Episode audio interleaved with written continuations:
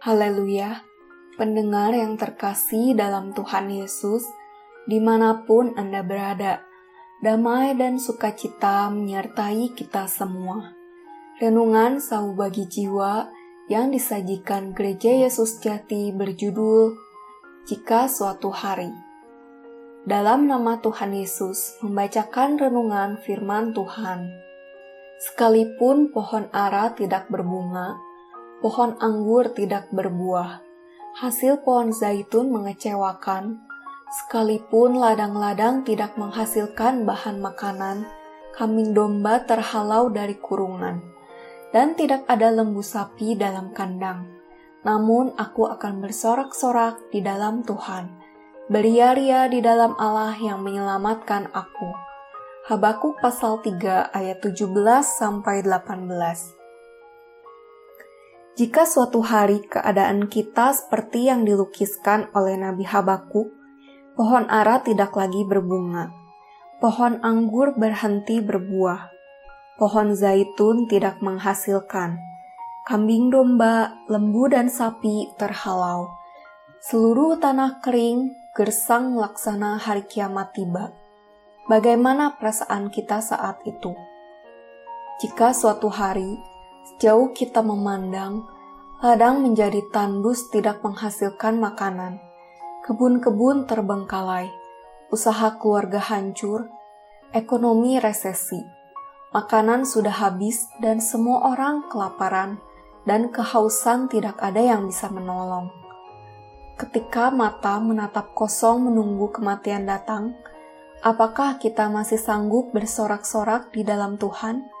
Dan beria-ria di dalam Allah yang menyelamatkan kita. Saya mencoba jujur terhadap diri sendiri dan menjawab, "Saya tidak sanggup." Ternyata Allah menjadikan lingkungan hidup kita semuanya teratur. Angin hujan datang sesuai musim dan sesuai takarannya. Suasana damai dan permai meliputi bumi. Ini adalah anugerah Allah yang Maha Besar. Jangan mengira hari yang digambarkan oleh Nabi Habakuk itu tidak pernah ada. Pada saat ini pun, di beberapa negara yang sedang dilanda peperangan atau wabah penyakit, orang pasti terkejut dan ngeri menyaksikan keadaan seperti itu. Perang dan wabah menghancurkan seluruh unsur kehidupan. Nyawa manusia menjadi tidak berharga. Orang nyaris bertahan hidup dan setiap saat bisa dijemput maut.